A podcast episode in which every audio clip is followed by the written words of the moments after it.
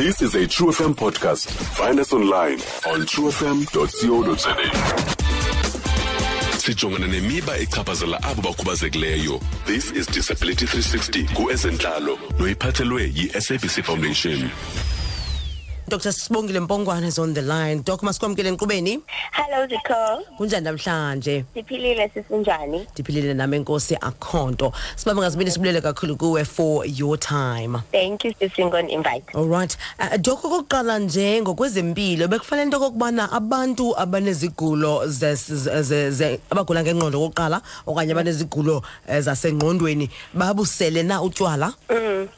Wona Zikho impendulo kulombuzo ngohayi. Okay. Ne? Mm. Ngoba kaloku already xa setha ngumuntu Mhm. o ogula ngengqondo sithetha ngomuntu otyi treatment andithi Yes. and xa sithi ugula ngengqondo umuntu ogula ngengqondo akakwazi ukusela utywala Mm. mm. ngoba kaloku xa sithi gula ngengqondo mos zininzi izigulo zengqondo eziaffecta indlela ocinga ngayo indlela owenza ngayo nendlela o-interacta ngayo nabanye abantu Mm. so and the i-cause yaloo nto zininzi mos mhlawumbi incindi encinci engqondweni yakho um and then what we do ke ngoku sathi ah sakunika le treatment ukuzama mhlawumbi ukwengeza kulaa ncindi enzele ukwazi ucinga ngendlela erayithi yabona efana nabanye abantu ukwazi ukwenza ngendlela erayithi ukwazi ubuyela emsebenzini wakho. Ingayi-depression ingasi-schizophrenia ingayi-bipolar zininzi izigulo zengqondo ingakukuxhuzula uyabona? Yeah. so ke ngoku xa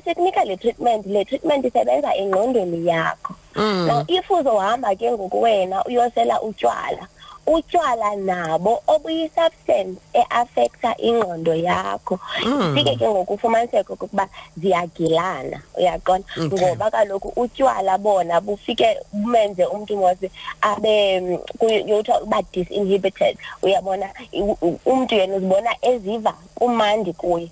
But i-problem is that ke ngokuna if ubuna ngulo mntu uneschizophrenia ubetha kakhulu iyavela laa nto. Kakhulu Mm. ukubetha abantu kakhulu because i- i-competition mos phaa engqondweni yakho between utywala ne-drugs ikunikayo esebenza engqondweni two utywala buphinde bu, nje busebenza engqondweni also buqala bungene apha esibindini uyaqonda Yeah. bulungise khona so i- bungena esibindini nje buyakwazi usimosha isibindi sakho now nee-drugs esikunika zona that is iipilisi ezi sikunika zona Okay. okokuba zikuncede nje ugula ngengqondo Mm. zihamba kwesi sibindi siyi-one so ke ngoku xa sifika wena uye wafaka utywala kuso samoshakala isibindi sakho it means then that iipilisi esikunikayo wena. Azikwazi usebenza ngoba isibindi sakho simoshakele so asikwazi ke ngoku isibindi sakho uprocessa ezi pilisi zethu sikunikayo so that idose erayithi izokwazi ufika engqondweni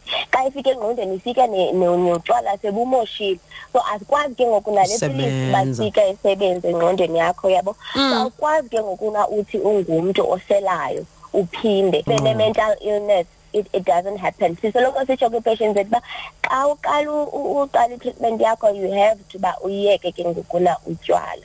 And sometimes uyofumaniseka komnye uthi hayi doc ndizokwazi ulungisa utywala ondibuselayo but ufumaniseka uba abanye wena zikho abantu bafika kuthi se-already umntu enengxaki yosebenzisa utywala because Mm. utywala yinto ekhona kwi-community mos ayodraga ukuthi hayi awunoyisebenzi- awunobusebenzisa utywala afani nezinye iziyobisi Yes, true, yeah. ifuna eighteen uyakwazi usela utywala So ke true. ngoku and abantu abaninzi bengaziboni okokuba banale ngxaki yosebenzisa utywala ngoba umntu uye emsebenzini esele akasakwazi uzenza ii-duties zakhe ekhaya usoloko yona nto ecingayo engqondweni ibutywala usebenzisa imali yakhe etywaleni yabo Mm. so already ezo zinto zii-problems ezinkulu but umntu akaziboni ubunazo if une-mental illness ke ngophinde bewes ngoba kaloku sometimes ufumaniseka ukuba i-judgment yakho yaqonda iyachaphazeleka Mm. especially xa usagula kakhulu so awukwazi wena ukuthi hayi nanku uhowu wam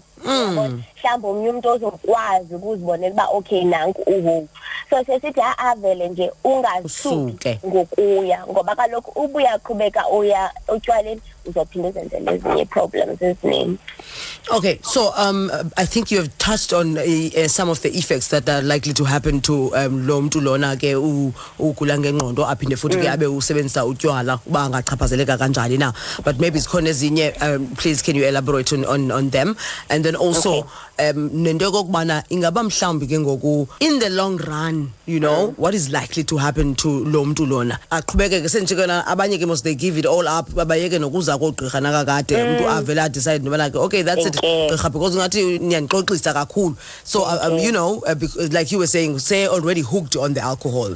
So um ke ngoku ithetha ukuthi ethubeni apha ebomini bakhe what's going to happen? Okay. So if unesigulo sengqondo um utya i-treatment so if unesigulo like esi- nesiphi isigulo mos uh, wena zikho Yeah. xa unesigulo fanele uye kwagqirha qho ngenyanga uyofumana i-treatment yakho ubone check-ups and all so that. Mhm. iyabona so nesigulo sengqondo sisigulo esikwaziyo ulawuleka xa uhamba uya kwagqirha qho ngenyanga ufumane i-treatment yakho Yeah. uyisebenzisa but ke ngoku iba iproblem xa usebenzisa notywala ngoba kaloku utywala like busenza utywala kumntu wonke yabona mos abantu abasela utywala like besithethile kukho laa nto ke kuthiwa yi-alcohol use disorder. Uyofumaniseke because usebenzisa utywala wena awuyi emsebenzini awuzenzi into efanele uba uyazenza. So even ukuya kwagqirha awuzukucinga mos.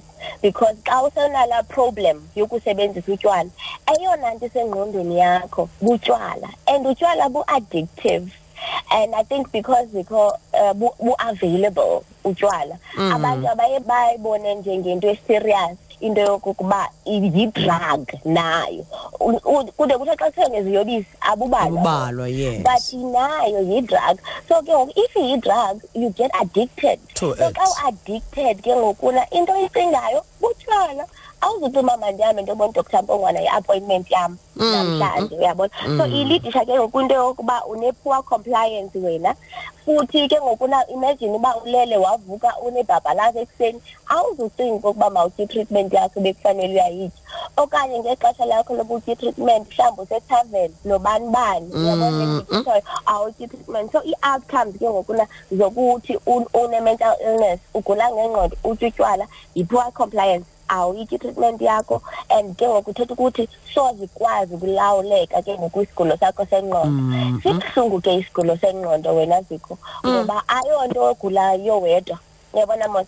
Isekile mhlawumbi wena uyazazi wedwa uba unesekile kodwa nethi kubekho into erongo engqondweni yakho sonke sizoyazi sonke sizoyibona. Oh, ngenxa yendlela o-acta ngayo. Wedwa ngoku. Ewe. Yabona ke ngoku.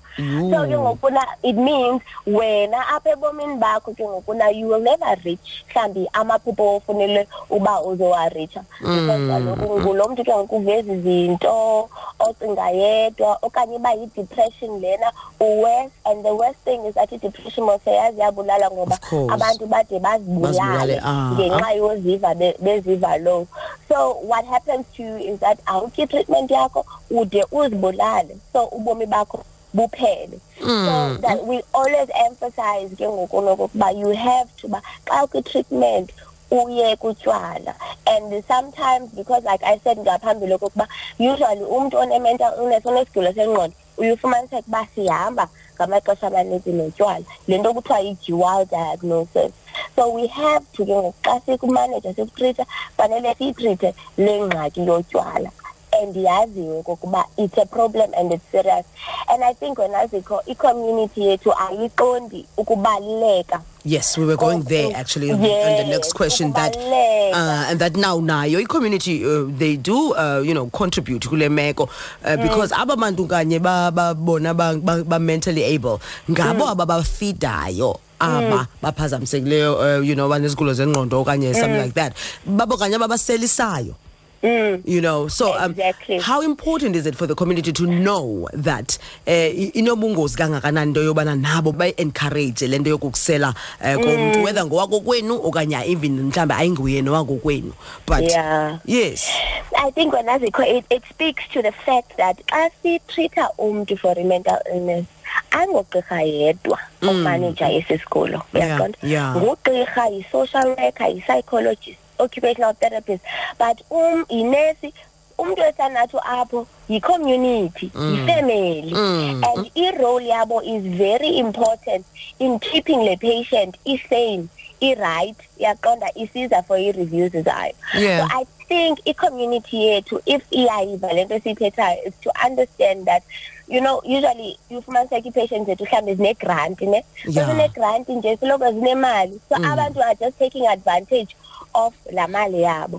so the Mm. community needs to understand okokuba for abantu bethu abagula ngengqondo okokuba baphile babe right badinga uba kwindawo esupportive and ukunika umntu utywala kho supportive yabona ngokunazikho siya kudisemba Mm, mm. omalume babo Mm, bebuyile mm, wonke imigidi. umuntu omdala uyaqonda. Mm, so and you ajonga ngathi wakutheni waseli nabo nabo utywala nabo utywala uyabona? Mm. so yi-responsibility kabani? Kamama notata nosisi nomakazi okokuba wena ke siyanda awuzukwazi usela. Ngenxa yeba kaloku uyazazi uba utya iipilisi and Mm. utywala abuhambelani neepilisi zakho. Xa unga- xa ungazityi iipilisi zakho uzogula and the very people bebekuphi treatment baza kuhleka baza kubetha bakuzise esibhedlele xa kuleyithi so it's, it's important for the community to understand i-role yabo that they need to play in actually um, helping abantu bethu abane-mental illnesses. Okokuba bathi stay off utywala nezinye iziyobisi ngoba ubuqala utywala zikho uvulele ezinye iziyobisi ngoba itywala kaloku phesa ijudgment yakho. Uzawuthatha iteki uzothatha intsangu uzothatha zonke ezo zinto. Kuphelela phi ke ngokuna ikamva lakho? Kuphelela phi emsebenzini? Kuphelela phi Yeah. esikolweni? Uyabona? So i think the community i hope uyayiva le message yoba ungasela wena okay? But wonke umuntu needs to drink within i-limits yeah. Because the community itself yufumaniseka uba inengxaki yokusebenzisa utywala. And abantu abaninzi enazikho bayasela utywala abazazi bahlawumbi bane-depression so the reason mhlawumbi umntu esela kangaka is because unokukhathazeka. Mhlawumbi Mm. unala mazwi mane wava. So uselenzela uba aphelise loo nto. Kanti i-problem is that and it needs to be dealt with. So the community needs to understand the importance of bona bencedisa abantu bethu abaphazamisekileyo engqondweni. Ayo-responsibility kagqirha qha but nabo bayiphathe doc uyibeke yacaca masibambe ngazibini masibulele Mm. kuwe kakhulu nangexesha lakho. Thank you so much. Thank you so much because alright dr sibongile mpongwana lo besincokola naye ke ngomcimbi ke wabantu baphazamisekileyo ngokwasengqondweni kokubana ke kubaluleke kangakanani na? Eh okanye ke abantu abanezigulo eziphazamisa ingqondo uba ba- ah, kubaluleke kangakanani uba they should stay away from alcohol idisability 360 ubuyiphathelwe yitrue fm ibambisene ne-sabc foundation. For more disability content visit sabc disability 360 on facebook or follow at sabc disability on twitter. Stream True FM online on truefm.co.za. sikho yonke indawo ngalo lonke ixesha like no one else